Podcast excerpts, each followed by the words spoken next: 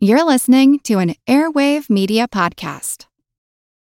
When you need mealtime inspiration, it's worth shopping Kroger, where you'll find over 30,000 mouthwatering choices that excite your inner foodie. And no matter what tasty choice you make, you'll enjoy our everyday low prices, plus extra ways to save, like digital coupons worth over $600 each week. You can also save up to $1 off per gallon at the pump with fuel points. More savings and more inspiring flavors make shopping Kroger worth it every time. Kroger, fresh for everyone. Fuel restrictions apply.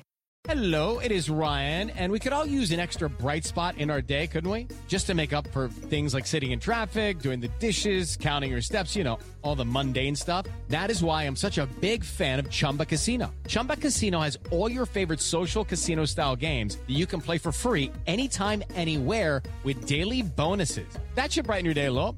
Actually, a lot. So sign up now at chumbacasino.com. That's chumbacasino.com. No purchase necessary. VGW Group. Void were prohibited by law. See terms and conditions. 18 plus. This is Kick Ass News. I'm Ben Mathis.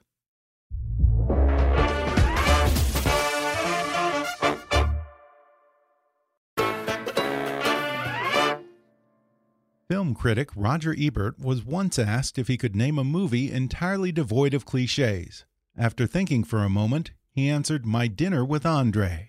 The Andre in the title of that film is the acclaimed actor, writer, and theater director Andre Gregory, and indeed, there is nothing conventional about him. After all, this is the man who made a two hour film about two men talking in a restaurant, and once had a chemist create the stench of decaying flesh for a theater production of his. And even his new memoir is unconventional, with a title like This Is Not My Memoir.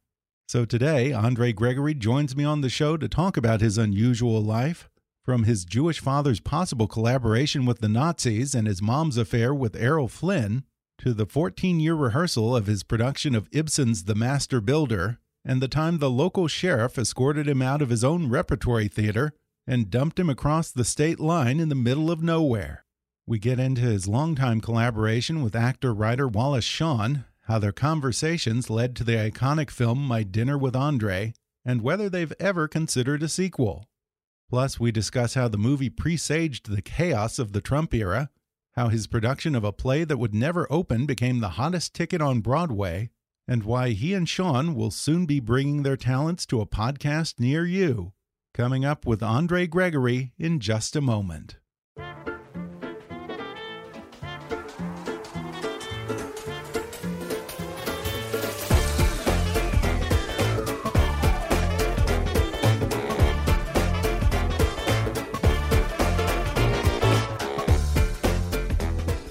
Andre Gregory has been directing in New York for more than half a century. He is also an actor, writer, teacher, painter, and author of the poetry collection Bone Songs. He has collaborated with Wally Shawn and Louis Malle on the now iconic film My Dinner with Andre and Vanya on 42nd Street, based on his legendary production of Uncle Vanya that never opened. He later worked with Wally Shawn and Jonathan Demme on the filmed version of his production of Ibsen's The Master Builder. Some of his other credits as an actor on film include The Mosquito Coast, The Last Temptation of Christ, Demolition Man, Celebrity, and most recently, the HBO series The Young Pope. Now he's out with a rather unconventional memoir. In fact, the title says it all. This is not my memoir. Andre Gregory, thanks for joining me. Hello. Well, first off, Andre, uh, why didn't you want to write a traditional memoir? I guess I'm not a traditional kind of guy uh, even even at 86 years old. and I did swear that the one thing I would never do as I get older was write a memoir.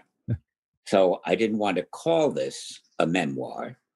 And then I think anyone reading it will see that it's not just entertaining, but it has a structure that is quite different from anything you've read before. And you start the book by recounting your family's journey to America with quite a few stops along the way. Uh, I, if I have this right, I think you were born in Paris, but they originated right. in Russia. Is that right? Yeah, my father, my father went from Moscow to Berlin to Paris to London to Scarsdale. It was quite a journey. yeah, yeah, I can only imagine. And this was during you know Nazi Germany and then the Soviet Union And, despite the fact that your family was Jewish, uh, you reveal in your book that you've long suspected that your father had some not so kosher relationships with leadership in Nazi Germany. What do you base that on?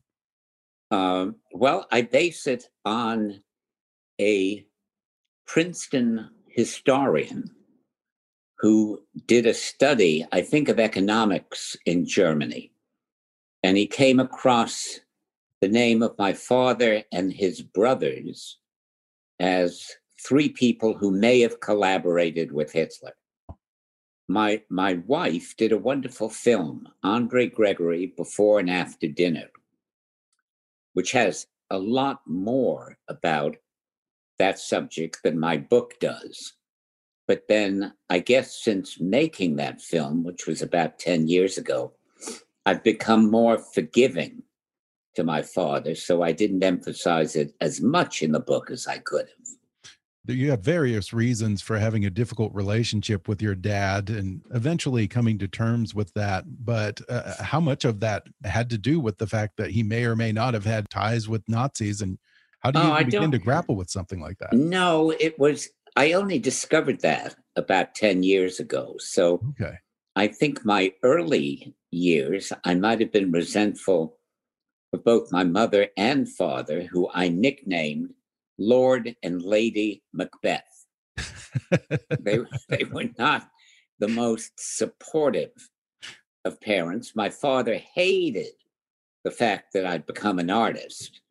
And a few years after my dinner with Andre appeared, uh, we had one of our many fights, and my wife, a little worried about how he was taking it, went up to see him, and he said, I don't understand what's wrong with Andre. What's his problem with me? Why does he always get so upset?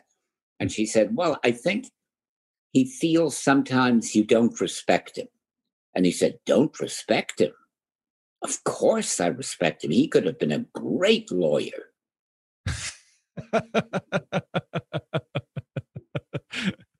I love that. that. That's almost like a Jewish mom joke right there, isn't it? it is. Yeah. are you are you Jewish? Uh, no, no, no. But I'm an aspiring Jew. Let's put it that way. Oh, good. Okay.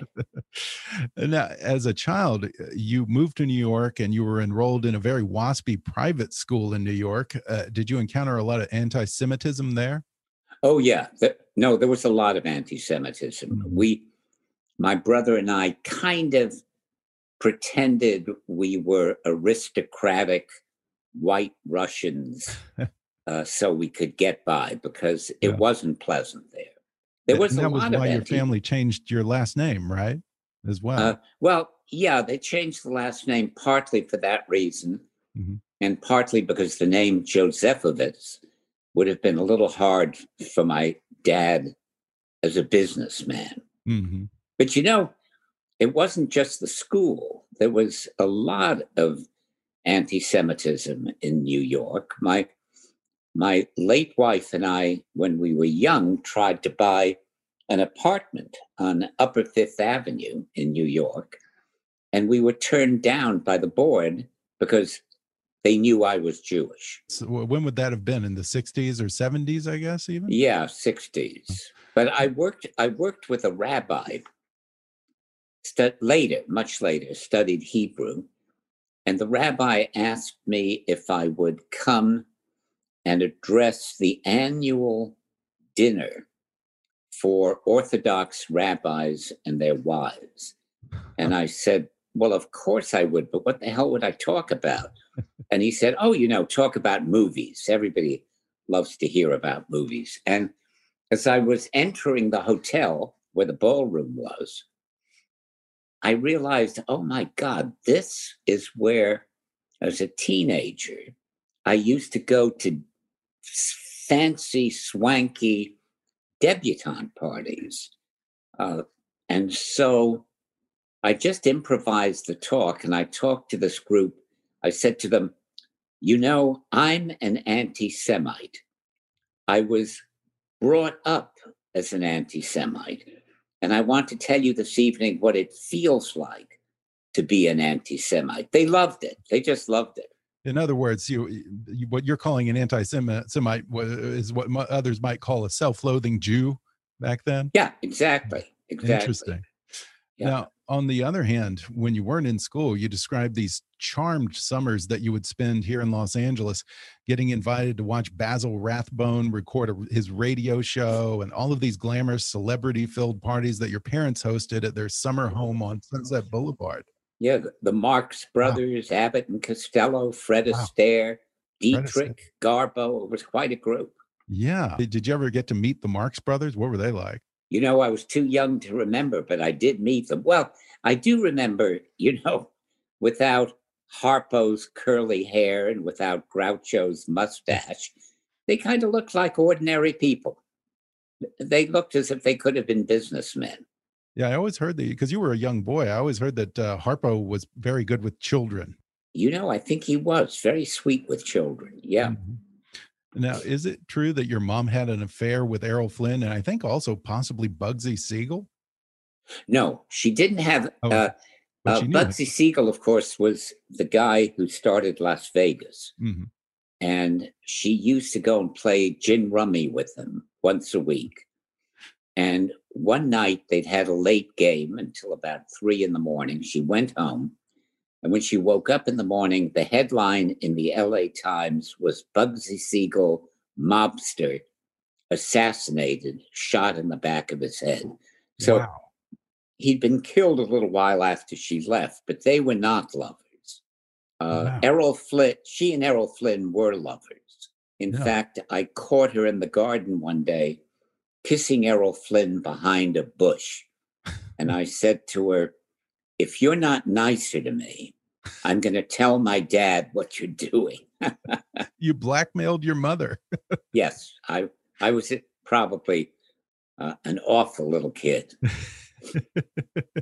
yeah, and I think there was a good story in here about uh, when you go back to New York, none of your friends believe you when you tell them that you've met all these movie stars. And she brings right. in Errol Flynn into the picture. Huh?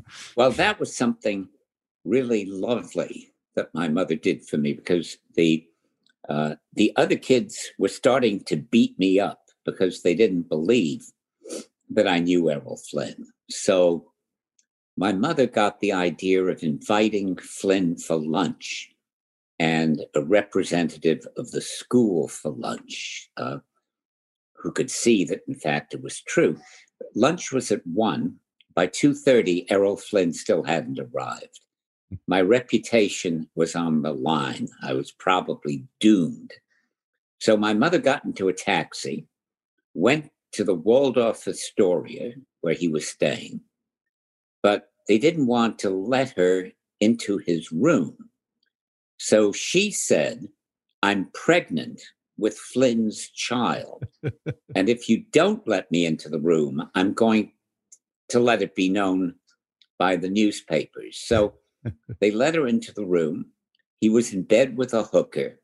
She dragged him out of bed, put him in a shower, sobered him up, brought him up to our apartment, and he signed a picture to the class so my reputation was safe. And, and, now, was this part of the reason for your interest in the theater? All of these movie stars that were around, or, or what? What first got you interested in going into the theater?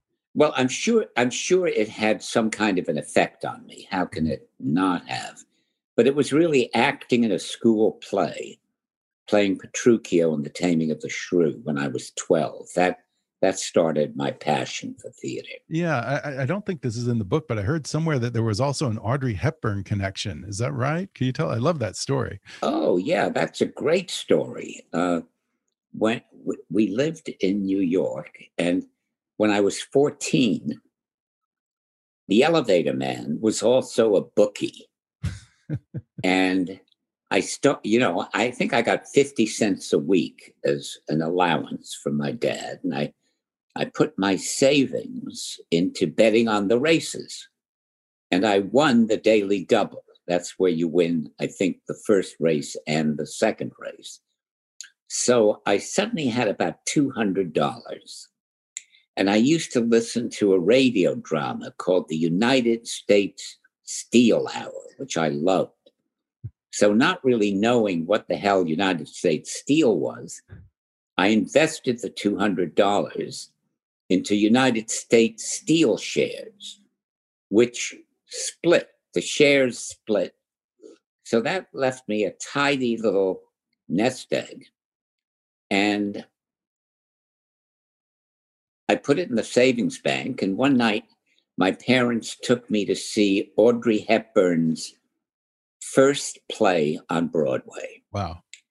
I fell so in love with her that I started spending my savings on sending her one rose every night with an anonymous note saying, I love you.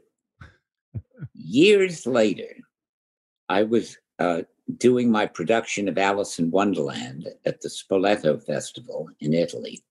When it was over, this beautiful young woman came up to say how much she'd loved the production. And she had an uncanny resemblance to Audrey Hepburn. So obviously, she was Audrey Hepburn's daughter. And I said, You must be Audrey Hepburn's daughter. and she said, No, I'm Audrey Hepburn. And we went out for tea in this ancient piazza. And as the tea was ending, I said to her, You know, I'm sure you wouldn't remember this, but years ago, and she said, Oh my God, are you the one? I've been waiting all these years for you to appear. I wonder what her impression was when she received the roses. She, I wonder if she thought that you were some kind of stalker or 40 year old man or what? well, she could have thought that until about the 40th or 50th rose. Yeah. When all that showed up was a rose and not a stalker. Okay. yeah. I think she felt story. it was incredibly oh. romantic, which of course I guess it was. when you got into acting, how much of it was just uh, getting a release for your anger against your parents and that the anti-Semitism, sort of the unfairness of, you know, things like this waspy school that you were going to? How much of it? Oh, was, it was a it, no, it was a great release mm-hmm. because mm -hmm. I was a polite, repressed young man, and being able to let out all of that fury and all of that bottled up stuff in a performance was a huge relief. You got into theater, you went to Harvard Radcliffe, studied with a number of different people. You talk about having these heroes, some of which were dead before you even could meet them, such as Bertolt Brecht. And you spent some time at the Berliner Ensemble, which is sort of a temple to Brecht. One of your heroes who you did get to meet uh, was, of course, Jerzy Grotowski, uh, who was this very famous Polish director. Uh, he's one of these examples of you finding a hero and then tracking him down and actually getting to meet them. Uh, how did you meet him? I had this dream about creating an actor who can fly. And I was talking about that with someone, and she said, Oh, maybe you should go to Poland and meet the, the director Grotowski. I think he might take you a new step towards an actor who can fly. So I went all the way to Poland. It was not easy in those days. And of yeah. course, Grotowski was gone for the summer. So I roamed around Europe, had a pretty good time, and knew that his company would be performing at the Edinburgh Festival in the fall. So I got tickets for 12 performances. I was staggered. He was clearly the Michelangelo of theater. And every night I send him a note. That's my habit, you see. I said, I would like to meet you. And he didn't answer till the very last night. He said, I could see you tomorrow after the performance for about three minutes. And he asked me a few questions, and that was it. And then about five months later, I guess, when I was back in New York, the phone rang. And this voice said, Hello, this is Jerzy. Uh, I'd like you to come and do a workshop with us. And that was the beginning of a lifelong friendship. We're going to take a quick break and then we'll return with more when we come back in just a moment.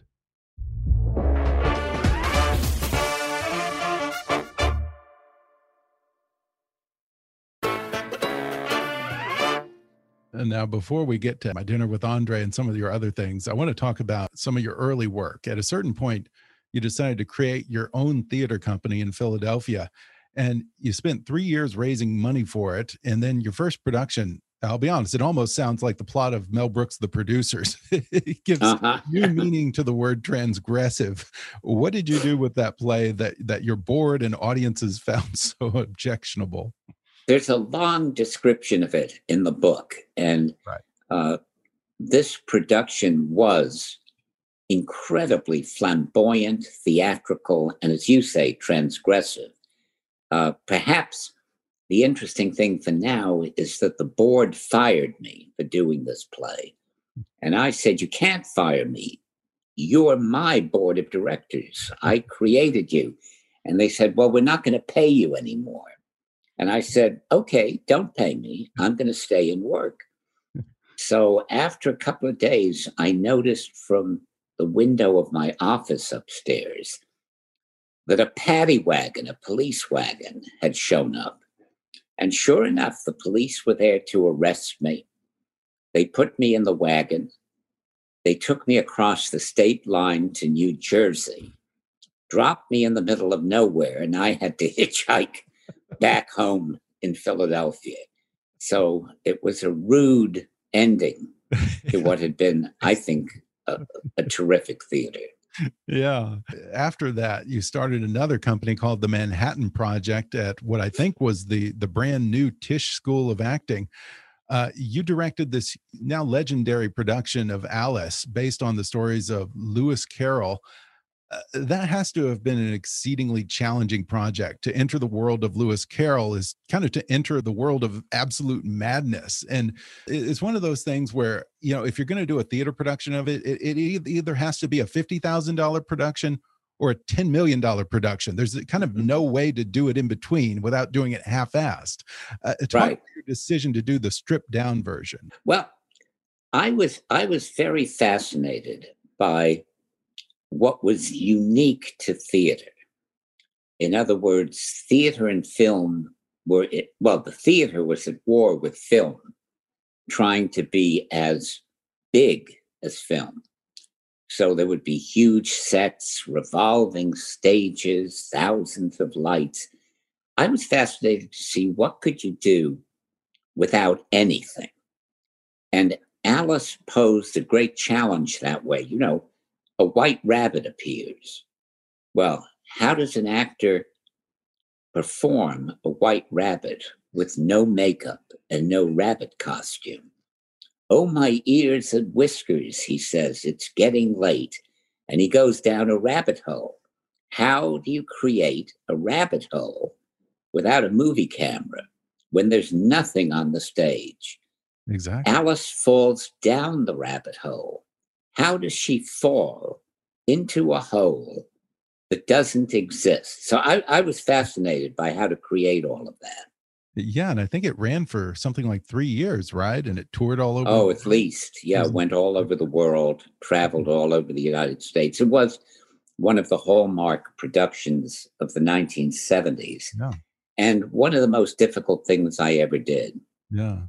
Now, after the disillusion of the Manhattan Project, you go through sort of a seeker period, spending time with gurus in places like Tunisia and Dar es Salaam. And a lot of these are the stories that make it into your now famous movie, My Dinner with Andre. Uh, I definitely want to talk and about my now famous book. This is not my memoir, and, and you and the book. yes, people yeah. will recognize some stories in there from the movie. And, and if I have this right, the conversations that make up My Dinner with Andre were never originally intended to be a movie. You, you and Wally Shawn just started having these talks almost, I don't know, sort of as an exercise or what? No, no. Actually, uh, Wally intended it to be a film. Okay. Which, of course, was incredibly arrogant because even if we were able to make it into a film or a film script, how would we ever raise money? Right for a movie in which two men do nothing but talk. And if we did make it into a movie, how in God's name would anybody except our friends and families want to see it? So the fact that it became iconic and has been now seen, I guess, by three generations since it first came out. Still seems to me like a miracle. Uh, yeah, you described the raising of money for this film as kind of the most excruciating process of your life. What did people say to you when you said, Hey, I, I need some money so I can go and make this film that's a two hour conversation between, at, at that time, two totally unknown actors? oh, well, there was one lovely guy who had invested in most of my theater productions. And when I sent him the script, he called me and he said, I am really hurt.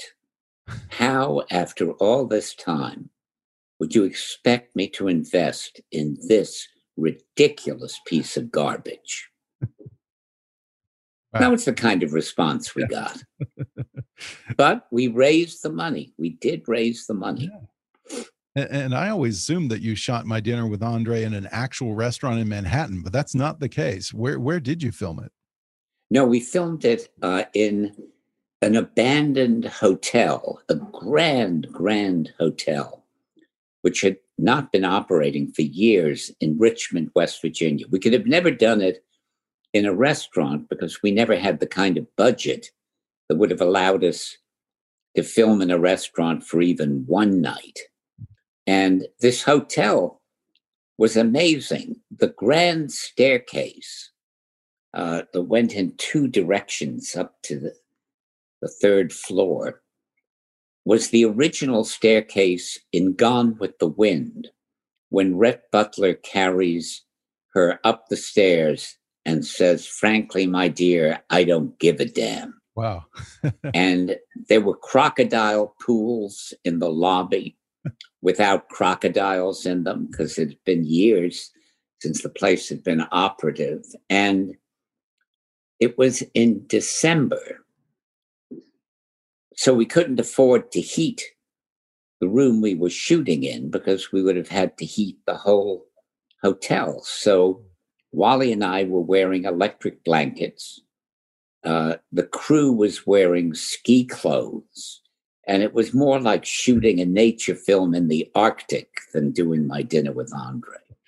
Yeah, that's wonderfully ironic that you were both wearing electric blankets under the table. If anyone's seen the movie. yeah, absolutely. Yeah, that's a major centerpiece of the conversation at a certain point. Right. Now, here's the thing that I've always wondered about my dinner with Andre. And you know what? I don't think that I'm alone. How come no one orders dessert in my dinner with Andre? oh, good question. You got me there. I don't know. You have an appetizer and an entree, right? But no dessert. Yeah. Could uh, you maybe guess, because it would have been a three hour movie then? yeah, probably. now, Louis Malle, the great Louis Malle, directed this film. And I think you say in here that he only gave you one piece of advice, one direction when you were making that film. What was it? Speak faster. and I said to Louis, Is that because my performance is boring? And he said, No. He said, you, You're doing theater acting, which is different from film acting because film acting is very, very simple. And if you spoke faster, you wouldn't think about acting. Hmm. And you've done so much rehearsing that the camera, which picks up everything, will see the performance in your eyes. Hmm. So it's about doing less. And it's the same direction, he said, that John Huston gave to his dad, Walter Huston, huh. when Walter Huston was acting in The Treasure of Sierra Madre. And it was a performance that got Huston an Oscar. Wow. My performance did not get me an Oscar. and that's because we weren't a part of the union at that time. Oh, that's funny. Uh, that's yeah. interesting. I never thought about that the film kind of had a slow start to it in, in terms of uh, its release. But I think, as I recall, it was really Siskel and Ebert who put My Dinner with Andre on the map, right? Yeah, until Siskel and Ebert, there'd been reviews from, say, Time magazine, which said this is a boring, uneven movie by amateur actors with no director and no script avoid it if you can. the New York Times said, This is a Winnie the Pooh kind of fable, if you like that sort of thing, which I don't. so the reviews had been awful until Siskel and Ebert got behind it and made it history. I read in an interview that you gave with Siskel and Ebert, and I think Wally Shawn was in this too. Uh, they asked you if you would have done anything differently with that film, and you said you would switch parts with Wally. Now that would oh that would have been real. fun. Yeah, would been that would have been great. Yeah, I mean, uh, can we take that to mean that maybe you're playing more of a character than most people might assume? Oh, I'm totally, I'm totally playing a character. This Yeah. is, I play a character based on Andre, hmm who is more manic, more narcissistic, more driven than I actually am in real life. Mhm. You know, I tend to think that the political themes in My Dinner with Andre are lost on many viewers, but you talk about a lot of stuff in that film that seems very relevant today. Things like income inequality, the rise of fascism in the form of corporate totalitarianism, uh, how Americans are, are in this dreamlight state of ignorance about everything that's going on, and we need to wake ourselves up. Uh, do you think that you presaged the moment that we've been living in over the past few years? And No, it, uh, it was a preview of coming attractions, which have not been pretty over the last four years. And fascism is mentioned all the way through the movie. But of course, when it came out, because we weren't anywhere near fascism at that point, people sort of thought it was just funny. But there is a scene in which I talk about Americans going to sleep and how that could lead to fascism and uh, New York being the new model for the new concentration camp. right. Uh, we had six million hits on the internet. I think from a lot of people who never saw the movie and didn't know who we were because Interesting. it was so relevant to what was unfortunately going on in this country. Interesting. And it feels like it's even more so now. I mean, everyone's going around with their faces in their phones instead of having real conversations and noticing what's going on in the world around them. That's right. That's right. Yeah. I, I might be paraphrasing. I'm not sure if I have this right, but I think that you also in that film mourn the lack of chaos in modern American life. Yeah, I don't remember saying that, but God knows America has been unspeakably chaotic for the Yeah. last four years. And Yeah. it still is because people insanely will not wear masks, will not keep their distance, and Yeah. will not realize that we're living in the midst of a plague. So there's still a lot of chaos. Have you and Wally ever talked of doing a sequel? We we never would because Louis isn't still with us. Hmm, Uh, right. But a lot of people have suggested a sequel. And at one point, I thought it would be kind of fun if Wally got to be 81 years old and I got to be 90 years old. If these two elderly gentlemen would be sitting in rocking chairs on the porch of one of those wonderful old Adirondacks hotels, Mhm. a bit like the hotel you have where you're living now. And if we talked and talked and talked about the one thing we did not talk about in my dinner with Andre sex, Right. I think that could have been fun. Yeah. Yeah. Yeah. You know what? You guys should start a podcast. How about a, um, my podcast with Andre? We, we, I just uh, completed directing two podcasts of two of Wally's greatest plays No uh. The really? Designated Mourner yeah. and Grasses of a Thousand Colors. Oh, and wow. they're beautiful and they should be they should be coming out in the next few months so keep an eye open for it Yeah. Do you know where those are going out? Or- I don't. Where, we, where we'll be able. Okay, that's definitely something to look forward to. Now, how long have you and Wally been working together? I mean, you've had the one of the longest creative collaborations in history, I think. Right? yeah we've been working together for 50 years Wow. and we've only had one 12 minute disagreement in all of that time we are a great marriage What was the disagreement about? Do you remember? I don't. I don't. But you know, a great collaborator is sent to you from God. hmm And over these many years, he's become my dearest friend in the world. And sometimes I enter projects with him just to be with him. Yeah, yeah. I think there's a somewhere in the book where you say that when you're not working with Wally in the same room, you dream about working with Wally. Yeah, yeah, I do. Uh. Especially, especially during COVID. Yeah. What are conversations between you and Wally like these days? Are they vastly different from the kind of chats that inspired my dinner with Andre? No, I think they're somewhat similar. We talk about politics a lot. Yeah, I think everyone has gotten more political over the past four years than they ever imagined they'd be. I would hope so. Now, there's a great moment in my dinner with Andre where Wally says to you, I really have no idea what you're talking about.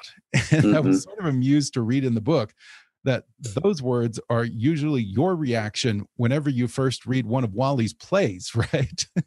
You- Right. First, you don't know what he's talking about. Yeah. Why is it hard for you to delve into it at first, or what? What? Well, because Wally Wally is a great poet of the theater.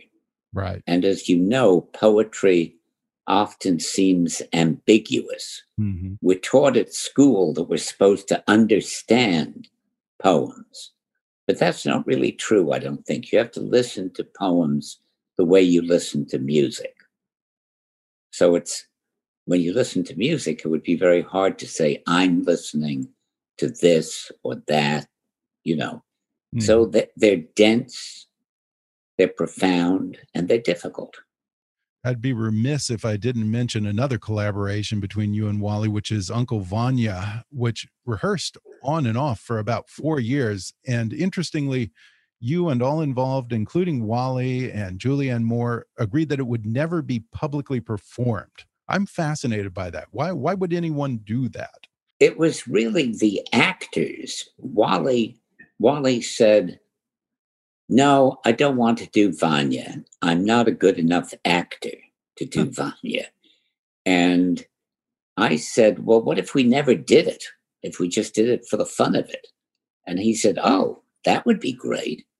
And then when I asked Julianne Moore to do it, she said, "No, I've decided to give up the theater. A lot of the scripts I'm reading aren't good. A lot of the directors aren't good. Hmm. And I said, Well, how about doing this as your farewell to theater? And we wouldn't even have to perform it. She said, Oh, that would be great. I'd love to do that. so many of the other actors I approached had the same feelings. So the idea was we would never perform it. That's fascinating. So it was all about the work itself. Yeah, right. production.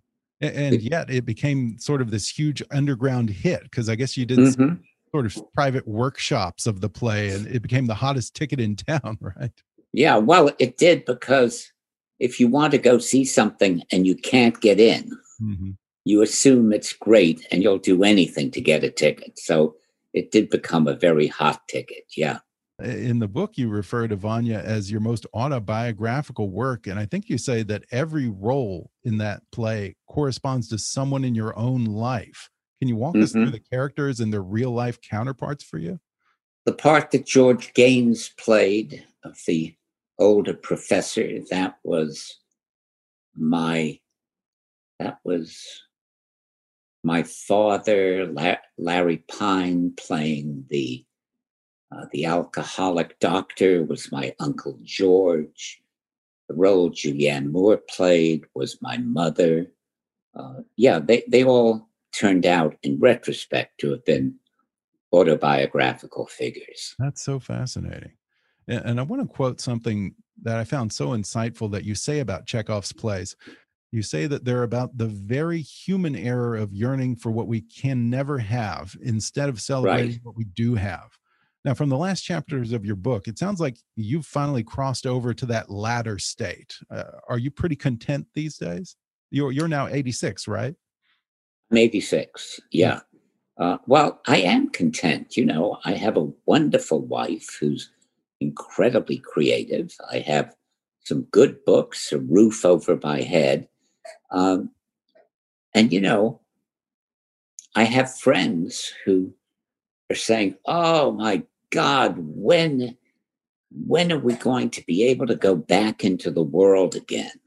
Mm-hmm. And when is COVID going to end? Well, sure, especially for people who are economically strapped, uh, this is very, very tough. Yeah. But a lot of Americans are very spoiled, uh, mm-hmm. except for the Civil War. We've never had war on our shores. Uh, we've never had our cities bombed the way many all over the world have. And I just try to be grateful for what I have. One of the things you really have to look forward to at 86 is being under the ground instead of uh, over the ground. so that's not great to look forward to. So, I, you know, I just tried to enjoy today. Yeah. Although you have been under the ground once. I have. Exercise, which I think yeah. is referenced in the movie and is in the book if anyone wants to revisit that story. Um, before we go, I have to ask about this production of Hedda Gabler that you and Wally have been working on. Uh, now, you're famous for these long rehearsals, such as Uncle Vanya, and I think the 14 year rehearsal for The Master Builder. Uh, you're 86 right now. How old do you think you'll be when you will finally make Hedda Gabler? Well, especially with COVID, so we can't rehearse. Right. Uh, I guess I'd be about 104 or five. well, I hope we live to see it. Maybe, maybe I me too. Would you would you and Wally think about doing that one as a podcast as well? Maybe. Maybe. Yeah. Maybe. Once again, the book is called "This Is Not My Memoir." Andre Gregory, thanks so much for talking with me. And a pleasure talking to you. You're very sophisticated. Thanks again to Andre Gregory for coming on the show. Order his new book, This Is Not My Memoir, on Amazon, Audible, or wherever books are sold. If you enjoyed today's podcast, be sure to subscribe to us on Apple Podcasts and rate and review us while you're there.